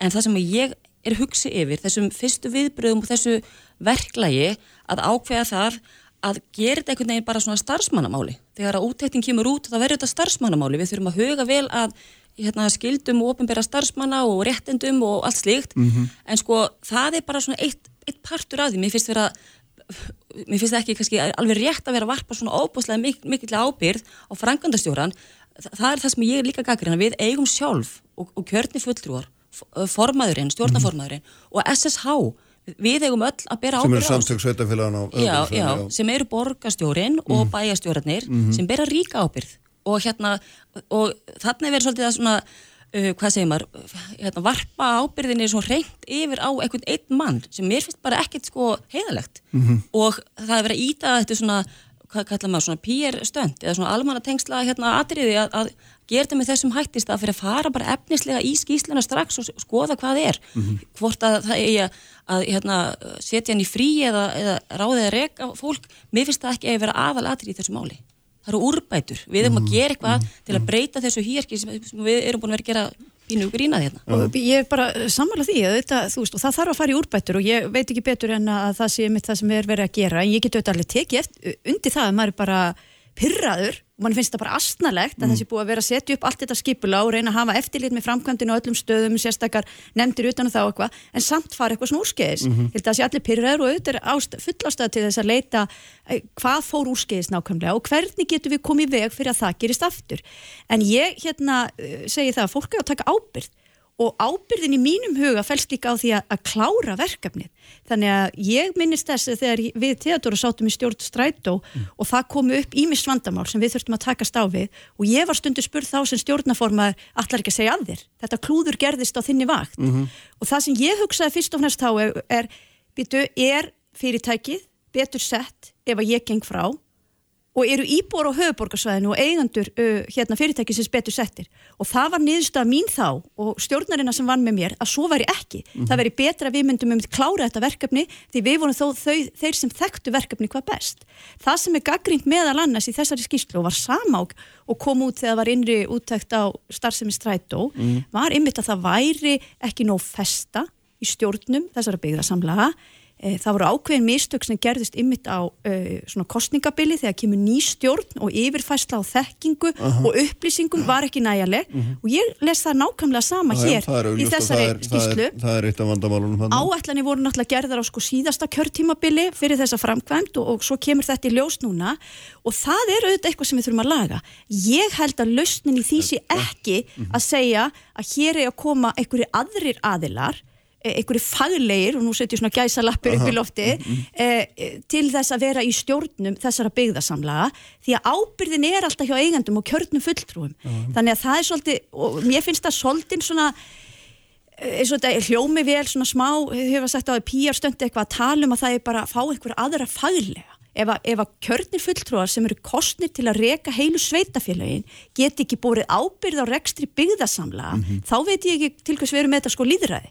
Sé einhverju aðri þeir betur til þurfa þess þá fallnir. náttúrulega að fá, hérna, fá réttar upplýsingar og, og á réttum tíma og það þarf að vera allt upp á borðum og, og hár réttu þetta en það er þetta rétt og það er þetta hérna, líka þannig ef, að, ef það er alltaf margir fagmenn og þeir eru ekki kjörnir þá verður náttúrulega fjarlæðin frá ákvörðunum að ábyrðinni ennþá lengri. Rofið í umbóðskeðjunni er töluvert í dag með byggðasamlegs fyrirkomulænu og það er þið ennþá meira ef það ætti að vera einhverju aðrir en kjörni fulltrúar. Og ég minnist þess að það var hér fyrir töluvert mörgum ára síðan, þá var ekki þessi krafa um sem sagt, bæjar fulltrúa í stjórnum. Um, og þá, það var sett meðal annars vegna þess hvað hafi komið upp í orkuveitun á sínu tíma að þá voru allir brjálæðir yfir einhverju fjárfestingum sem orkuveitan hafi farið í og bara hvar likur ábyrðin og þá var eitthvað fólk sem stjórn sem var ekki endilega inn í borgarstjórn sko. Þannig að það var líka einu hugmyndunum bara þeir sem að sitja þeir stjórnum þeir þurfa að hafa pólitist umbóð og, og bera pólitíska ábyrð gagvar sínum gjörðum inn í byðasamlega Já, já, á móti getur maður líka alltaf sagt að það er ólíklegt að stjórnmálamenn geti setið í stjórnum hvaða fyrirtæki sem er og verið faglega klárir á því, ég meina það er bara ekki hægt að fara fram á það við fólk, þannig að þá ertu komið það rof líka í þekkingun, ekki svo? Jú, jú, en, en þess vegna á að þekking og það er hörglega hluti af þessu skipuriti þarna með öllum þessum fagráðum og úttektum og Já. verkfræðistofum sem unni þessu og allt þetta til að einmitt tryggja það. Þannig að, jú, jú, ég er ekki að segja, þetta er ekkit einfalt mál svo sem, eh, en það, við höfum einmitt ekki náð nógu langt í, þú veist, mér finnst þetta stæðst umhverfismál þegar um er að ræða sorpu og ég er sammála teator í því að við höfum, þetta hefur ekki allt og allt og langan tíma að koma okkur á okkur rekspöl. Og það er meðal annars vegna þess að það er upp í mismunandi skoðanir inn í Reykjavík eða Mósusbæði að Seltjarnanes í, í bæjastjórnunum það hvernig best að gera þetta, hvernig best að flokka og hvernig best að vinna með þetta. Og svo er sorpa haft jafnvel aðra skoðun Þannig að við vorum allavega þó komin í þessa vekkferð að Mhm. reysa þessa gas- og jargerastöð og það er held í staðstamálið að hún rýsi sem allra allra fyrst þrátt fyrir þennan, þetta klúður varðandi áætlunum á það hvað hún raunverulega kostar. Ég held að hérna, já, bara gott að nefnum þessar skýslu fyrir, ég held að þessu fimm ár síðan, Mhm. þetta var fjögur eða fimm ár síðan að, að koma út þessi skýsla ú, eftir hérna þetta klúður hjá Strætó Já. og við erum einhvern veginn bara algjörlega á sama stað Mhm. í mínum huga og þetta er bara sama innihaldið raunverulega á sama vandanum. Þannig að hvað er að gera núna og hvað er þetta breyta? Ég held að, að til framtíðar að það er eftir að draga úr vægi kjörna fulltrúa og uh, í stjórnum og nefndum og ráðum og það fer náttúrulega eftir sko, hvað er verið að fjalla um og hvað, hver eru hæfir skilirði, hvert er verkefnið, hver er ábyrðin, hvert er hlutverkið og ég held að hérna, ég vil bara nefna það til dæmis þegar að á síðasta kjörtíðanbili þegar að hérna Björn Framtíð gallaði eftir því að setja fólkin í stjórn í Savia þá fóru, þá var bara auglist eftir og við fórum í gegnum svona ráðningaferli út frá hæfi þegar var ráð þar inni, við líka settum inn til dæmis á síðasta kjörtíðanbili í, hérna, þegar við vorum í meiruliti Kópói að það voru við með formensku í, í barnavendanemnd og við réðum það til okkar sko, fagmannisku sem hafði lögfræðing sem hafði hérna, eh, mi- mikla þekkingu á þessu málflokki Mhm. og ég held sko, og ég vonast til þess að þetta sé framtíðin og við, við gerum meiri og ríkari kröfur En finnst þér þá ekki þeirra. verða neitt þetta rof í ábyrðinni þegar að þú ert búin að ráða Við höfum líka fólk sem hefur ekki, er Já. ekki kjörið, það hefur ekki, ber ekki pólitísk ábyrð, það er bara ráðið sem starfsmenn, ekki? En þegar við erum með uh, frambóð og Mhm. er kannski með uh, 20 og 2 manna lista, Mhm. það er alls konar fólk þar inni sem hefur alls konar hæfileika. En eigum við ekki að fara svona stafra við þetta séu svona einhverju bytlingar fyrir þeirra sem að standa einhver staðar og hérna til þess að fara inn í þessi nefnd og ráð, ég vil bara tala um þetta opinskátt, Já.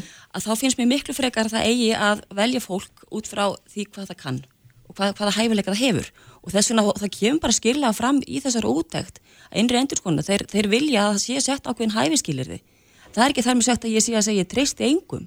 Ég treysti ekki, ekki stjórninni.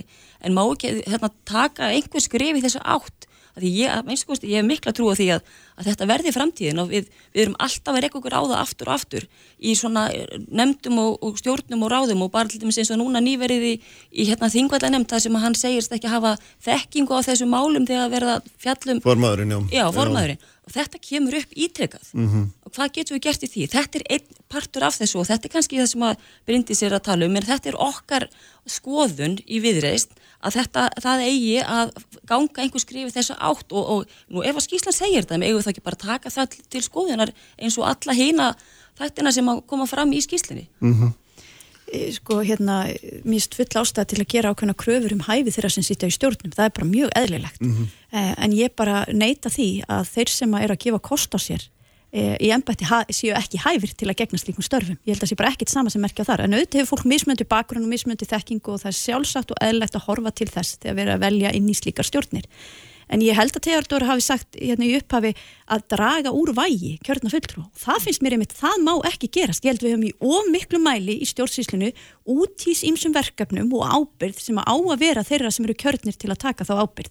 Og það held ég sé mjög hætturleg þróun að fólki sem tekur slíkar ábyrðir og, og, og ákvarðanir að það geti tekið þessa pólitísku ábyrð en það sé ekki eins og stundum hefur verið sagt hérna andlislöðsi nefndarmenn einhver stað sem taka ákvarðanina. Mm -hmm. Ég hef hérna líka talað um það og ég hef jafnvel leitað til háskólans í Reykjavík til þess að finna eitthvað nýtt fyrirkomulag e, til þess að fylgja, til þess að við getum sint okkar eftirlist hlutarki í svona stórum framkvæmdum. Það kemur frem í þessari útvægt. Sveitastjórnumenn. Já, sveitastjórnumenn. Og, sko, og sérstaklega bæjar fulltrúar og, og ég, sko, ég sé ekkert endilega til framtíðar eitthvað þörf fyrir stjórnir svona byggðasamlega. Ég var nú ekkert um búin að koma fram með það til og það eigi að samina þessi byggðasamlu með, með einhverjum svona rekstra hagraðingu í huga mm -hmm. og svo verður þetta bara einhvers svona fagnemndir í þessu, veist, það er líka hægt að hugsa það.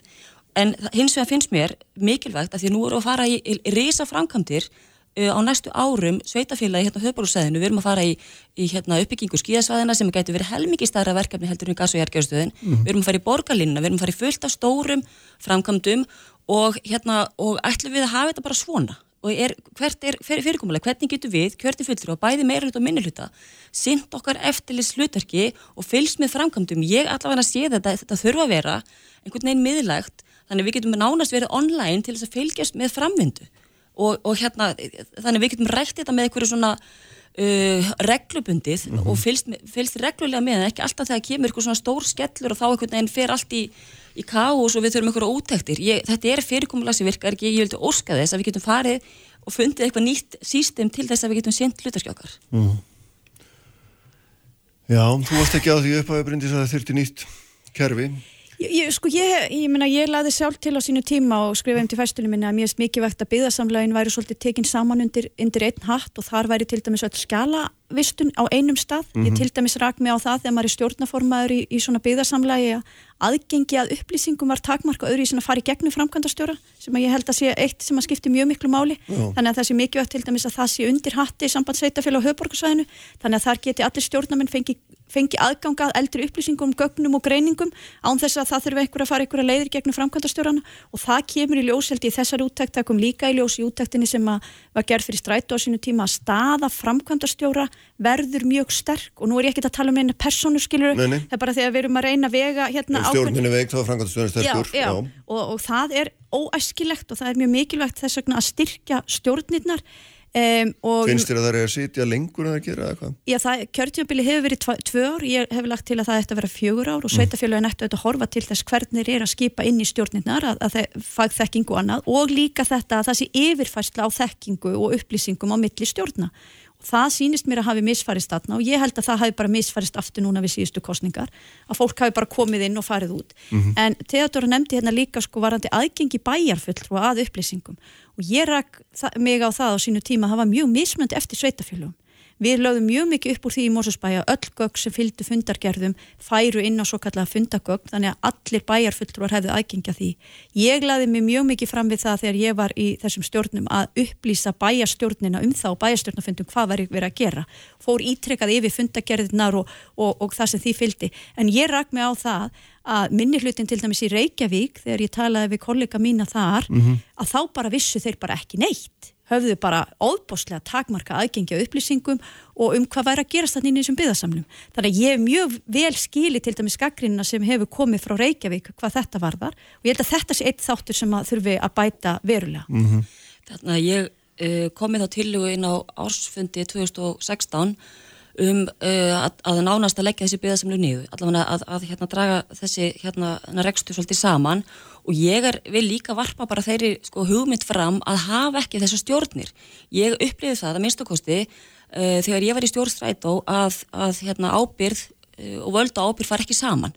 Og, og þessi eiganda vettvangur sem er þá bæjarstjórnir og borgarstjórn ásamt stjórn sem taka alltaf endanlega á, á, ábyrð og ákverð, ákverðanir og það er verið að taka til þess og þessi rekstrar áallun sem fór núna uh, var van áalluð henni var varpað margsinnis fram og tilbaka, fór inn í stjórn fór upp á eigandavettvang, upp í SSH fór aftur nýri stjórn, aftur upp á eigandavettvang og svona var þetta veginn hérna, ég teiknaði þetta upp og var með glærur í bæjastjórn til að sína fram á ferðalag svona áallana og en svo bara einhvern veginn samt sko, bregst eftirlitið.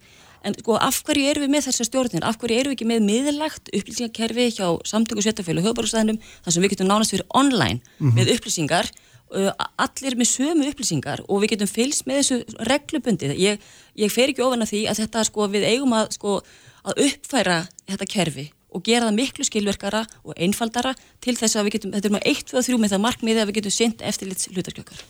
Þessari upplýsingar náttúrulega meira og minna bara að vera aðgengilegar almenningi því það er ju íbúrinn á höfborgarsæðin sem eiga þessi fyrirtæki þannig að auðvitað ættu að vera með eitthvað svona mælabor sem sýnir rekstur og, og ákveðna árangusmælinga þessa sveitafél og var bara að vera heimasíðum þeirra. Herru, gott er, auki gagsæði. Það er líka akkurat. Takk fyrir að koma báða tvær. Og Sömuleiðis. hérna, Viðar Þorstinsson verður hérna hjá mér eftir, hann er frangandastjóri.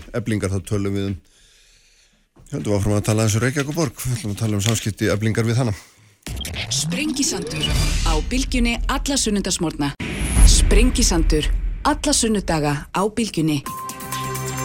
Sælir afturlustendur, uh, þær farnar frá mér Bryndis Haraldsdóttir og Theodóra Þorstinsdóttir rættum þar málefni sorpu og þetta er þessi þáttur nú daldi einkennist að því að ræða svona brotin kerfi eða, eða svona kerfi sem er ekki alveg í lægi hjá okkur og heilbyðiskerfið ofanflóðasjóð og, og svo sorpa núna og hérna og kannski má segja það líka um samningaferli í kjærasamningum, hann er sestur hjá mér við að Þorstinsson sem er frangandistur eblingar, þið eru búin að sitja með Reykjavík og Borg og reyndar fleiri með á umburum aðlum einhverja, hvað, tíu mánuði Jú, jú. og reyna, reyna hérna, að berja saman kjara samning Já. og hvað hérna hvað stendur nýfurinn í kunni? Já, það er kannski fyrst frá því að segja að það hafa allar viðræður við ofnbæru aðlana hjá öllum stjættafélögum, bæði sagt, mm. hérna, félagana sem er innan ASI og félagana sem er innan BSB gengið óvenju hægt Já. og, uh, og ég Reynda svo sem líka kann að enga BHM hjúgrunafræðingar Já, það sem já. tekið líka, já. Jú, jú, ég kann svo sem enga, enga svona beinlinis almenna skýringu á því en ég get bara sagt frá okkar sjónarólið þá stendur nýfurinn í, í þeirri kú að, að eh, frá upphafi viðræna hefur eh, Reykjavíkuborg algjörlega þverneitað að e, gera nokkra einustu leiðréttingu eða koma á nokkurn einasta hátt uh, til móts við uh, starfsfólk borgarinnar í lálunastörfum sem að hefur núna árum saman og, og þetta lengra aftur í tíman einfallega búið við gjörsamlega óbóðlegar aðstæður Mhm. Uh, algjört uh, van, mat og lítilsverðingu á þeirra framlegi til þess að halda uppi feikilega mikilvægum stóðkerfum sem að ég myndi bara segja að halda samfélaginu hérna einhverju leiti gangandi.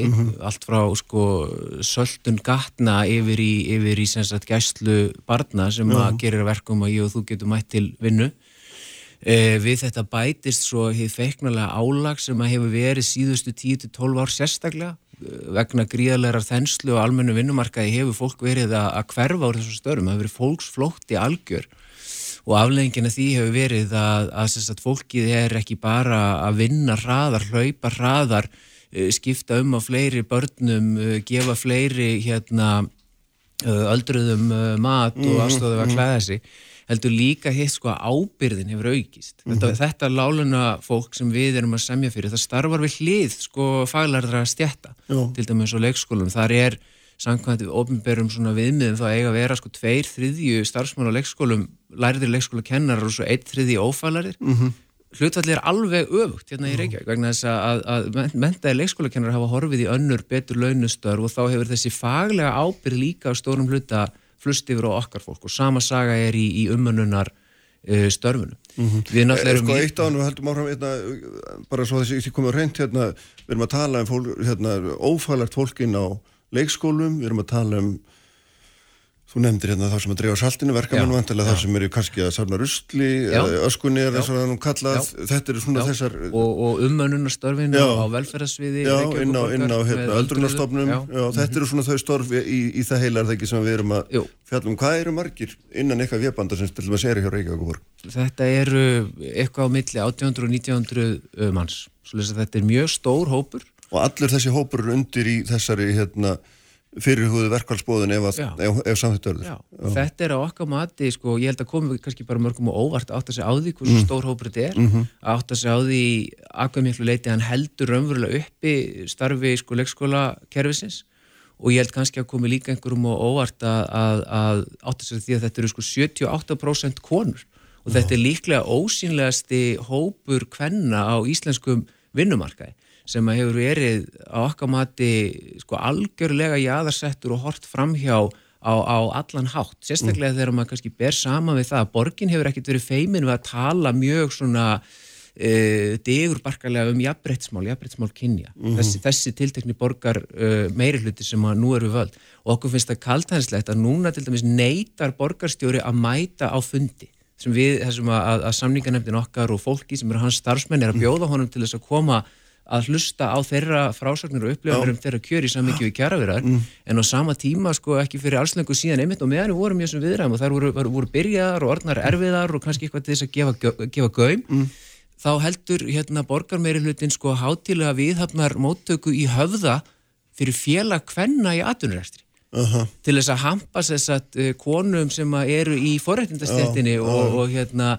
og hátekki fólk en á sama tíma er algjör þögn mm. uh, gagvart þess að láluna kvennastéttum og þar mætir okkur andlitslaus her embættismanna sem að á að að, að, að, að, að, að annars þau mál. mm, Solveig var hérna í áramáttetti Solveigana og þá talaði hún tæpi tungulaust algjörlega um þessi mál nákvæmlega og hérna og hún sagði þá, og mér varst það mjög merkilegt hún sagði að Reykjavíkuborg síndi láluna konum fyrirlitningu og, Ég- og, hún, og þannig veist, og ég bauð nú þremur borgarfulltrúum öllum konum, öllum úr flokkum sem að kenna sig mjög við jafnbryttindi og hefði aldrei hérna og fundist þetta ábygglega mjög ómaglegt og ósangjart.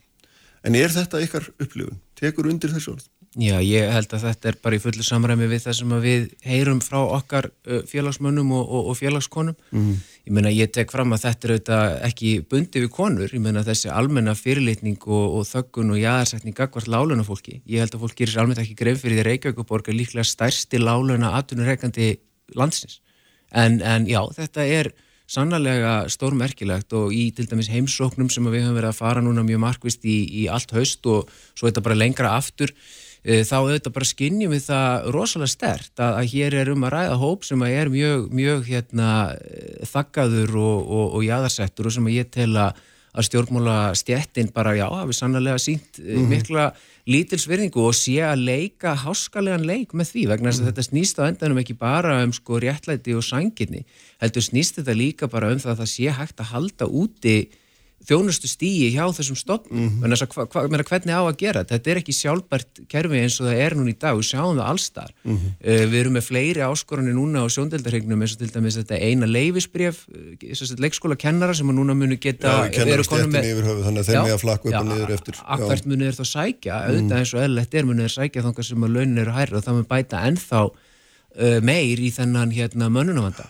En það er nú þannig við erum hérna og það vitum við nú jafnvel báðir að, að það er hérna veldur sjaldan eitt þá tveir deila og því þið eru náttúrulega hérna hafið sko óumdeilanlega slegið nýjan tón í kjarabaranstu og eruð á marganhátt leið mér að kalla það herska og ég veit ekki hvort þú vilni róta það orð en þið eruð allavega hérna, jú þið eru það og ég meina Solveig Anna saðist að hún bauð sér fram og hún ætlaði eða vildi, teldi, Mm. að vera rétt að beita Já, já. stífar í vopnum, verkvarsvopnunu meira en gert hefði verið Já, ég, það hefur komið mér á óvart svona ákveðin kannski pólitísk mistök sem ég held að, að, hljóti að segjast að, að borgarstjórn hefur gert í þessum málum. Mhm. Mér finnst það mjög sérkennlegt ef að, ef að Dagur B. Eggertsson borgarstjóri hefur talið sér trú um það að, að hann þyrti ekki að standa neinn reikningsskil á hérna kjaramálum lálunafólks hjá borginni eftir að það er komin hérna ný fórusta og, og svona mjög endur nýjuð og miklu, miklu skýrari og herskári baráttuandi í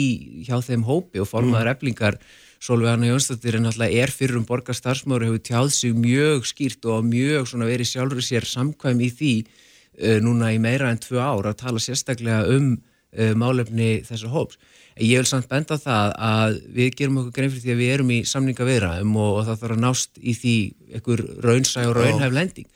Og það sem við höfum gert eh, sem er mjög mikið, mjög nýstárlegt og kannski líka dæmið það að við erum í eh, beitum nýstárlegum aðferðum einhverju leiti í þessum málum er að við höfum kynnt núna fyrir alþjóð hvaða er sem að samningarna deflingar er að fara fram á þessum viðræðum.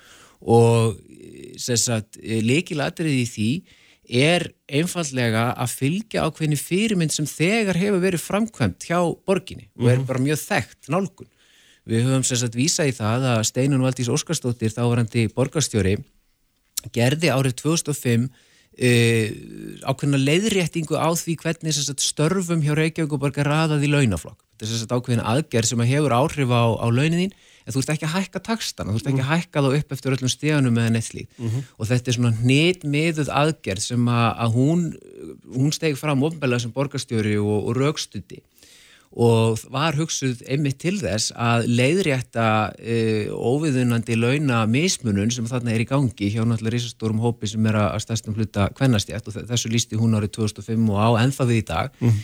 en hún líka lýsir því og takk eftir þetta árið 2005 fyrir 15 ára síðan þá talar hún um sko mönnunarvandan og, og álæð og þetta eru sannlega hluti sem hafa eh, ekkert skánað síðan þá, þetta hafa náttúrulega bara versnað og við skiljum ekki hvers vegna e, borgin getur ekki unnið með okkur í því að gera uh, þessa leiðréttingu þegar að það liggur hérna fyrir framann okkur tiltölulega einföld og vel framkvæmanleg laust sem er þar að auki í fullu samræmi við hugmyndafræðina sem er að baki kjærasamningunum og almennu vinnumarkaði, mm -hmm. svo kallu lífskjærasamningum sem að voru undirritaðir fyrir tæpu ári síðan, þar sem að aðal hugmyndafræðin er svo að hækka lægstu laun umframönnulaun Já.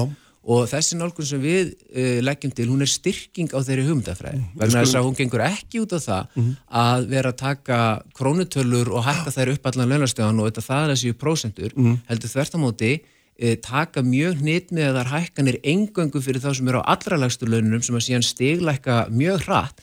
Þannig að enginn sem að er e, undir kannski rúmlega 400 skrónar mánaðlaunum er að fara að fá nokkra sérstakka hækkun vegna þessara leirtingar. Betur onni þetta eftir augnablík, förum að, hérna, við þurfum að samna tekið með sæðir. Uppspretta frétta á Sprengisandi á bylgjunni. Kraftmikil umræða alla sunnudaga. Sprengisandur á bylgjunni.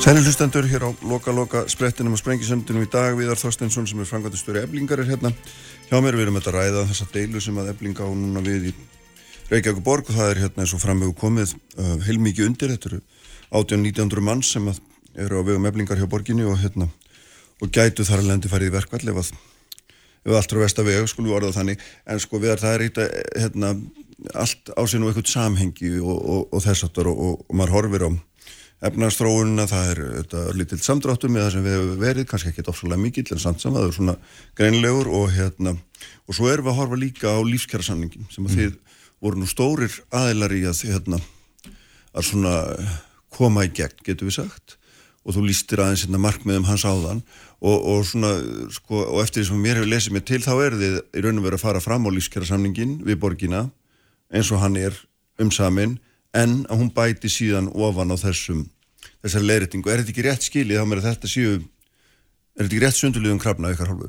Jú, ég held að þetta sé alveg ágættis lýsing að það það líka hafi í huga að þegar við erum að bera saman kjærasamling á almennu vinnumarkaði versus kjærasamling við uh, fólk sem vinnur hjá, hjá sveitafélum, mm -hmm. þá er ákveðin grundvallar munur á sem að ég, við höfum verið að, að reyna að, að kannski koma, koma fólki skilningum í umræðinni. Svo starfsfólki hjá sveitafélum eins og hjá Reykjavíkuborg það náttúrulega er bundið á taksta. Það er mhm. ekki þannig að takstanir séu sko gólfið. Heldur mhm. eru takstanir líka þeir eru, eru launin. Já, mm. þeir eru það. það er, og þetta hefur við séð með mjög svona, við hefum séð afleðingar þessa með mjög átakarlegum hætti síðustu 10-12 árin, nefnitt út af uh, þænslu ástandinu sem mm. ég mhm. var að vísa til hérna áðan að þess að e, á almennu vinnumarkaði getur verkafólk skapa sér ákveðna samnýstöðu þegar það verður til mikil eftirspunni eftir vinnuafli. Getur komið til vinnuveitans eins og sagt, þegar það er búið að bjóða með vinnu annar staðar. Getur, getur við ekki sami um aðeins hærri laun? Mm -hmm. uh, þú getur raukstuð sérstaklega að þú hafir uh, öðlast eitthvað færni eða hæfni eða eitthvað slíkt og, og farið í launavittal og auk þess sjáum við líka bara að á línuna er innan fjölmarkra fyrirtæki og almennu vinnumarka löngu búið að taka upp Er ekkert af þessu hægt hjá Reykjavík? Í trúinu þínu ekki? Nei, það er svolítið ekki fólk fær borga samkvæmt kæra samningum mm -hmm. punktur, það er bara þannig En, en á almennu vinnumarkaði til dæmis er, er búið að innlega hluti svo mætingabónusa sem að geta verið 20-30-40 þúsund eitthvað slíkt á mánuði mm -hmm. og, og aðra slíkar greiðslur og, og, hérna, og vinnustæðasamningar jafnvel, sem eru gerðir hjá starri vinnuveitendum og fleira og fleira. Starfsfólk sveitafélag hefur einfallega engan aðgang að þessu og þetta er ekki bara eitthvað sem hefur náttúrulega, eins og ég segi eftir í þenslu ástandunum með tilherandi hérna, leiguverðs og húsnæðsækkunum leitt fólk til þess að lifa á barmi fátaktar heldur hefur það líka búið til þennan skjálfilega mönnunar vanda þannig að fólk einfallega bara spyr sér mm -hmm. hvers nætti að láta bjóða mér þetta þegar ekki freka farið og, og hérna og unnið í, í ferðarþjónustu. Annaðrið sem við höfum bent á er já. það, ef við skoðum launakannanir, það sem við verðum að bera saman laun starfsfólk hjá sveitafélögum og svo ríkið og almennumarkaðin. Það er fólk hjá sveitafélögum alltaf lægst. Hvernig stendur það því? Einskýringin á því er svo við erum með risastóra hópa sem vinna vinnu þar sem einfallega er engin aðgangur að yfirvinnu eða vaktavinnu. Mm -hmm. Bara tökum starfsfólki á leikskólanum, gríðastór hópur hjá okkur, cirka þúsund manns. E, þessi hópur, hann vinnur vinnu þar sem skipulag vinnudagsins er þannig að hann fer engangu fram á dagvinnutíma og minna, verkafólk á lagstu launum náttúrulega neyðist til þess að vinna og nýtir sér að, að vinna yfirvinnu og vaktavinnu til þess að dríja sína tekjur en á sveitafílunum er það einfallega þannig að þetta er hóp sem hefur bara engan aðgangað að, mm -hmm. að slíkum möguleikum. Mm -hmm. Þannig að það eru ímisadrið sem ger það verkum að það þarf, þegar við ætlum að heimfæra hugmyndafræði lífskjærasamlýsins um sérstakar hækkanir lagstu launa upp á sveitafílagin, -hmm. þá er mhm. það mjög bara eðlilegt að það sé lagaða aðstæðum uh, þess fólks. En hver er, hver er, hver er þá sem sagt, hvað, hvað er það sem þið er að fara um, fram á umfram lífskjærasamningin eða þú getur líst í, í bara í, tölum bara um krónur og öru þannig að það sé flesti skiljaða þannig. Jú, jú, absolutt. Tilbóðið sem við laðum fram og kynntum nokkur rækilega og opnum fundi í yðn og núna miðugudaginn sem var sendt út beint frá og mm. ég reyndar benda og ég held að við höfum verið að brjóta blað líklega í sögu íslenskrar verkefliðsbaráttu með því að einfallega bara opna dittnar og við hafa fullt gagsægi um það hverja kröfur okkar er mm.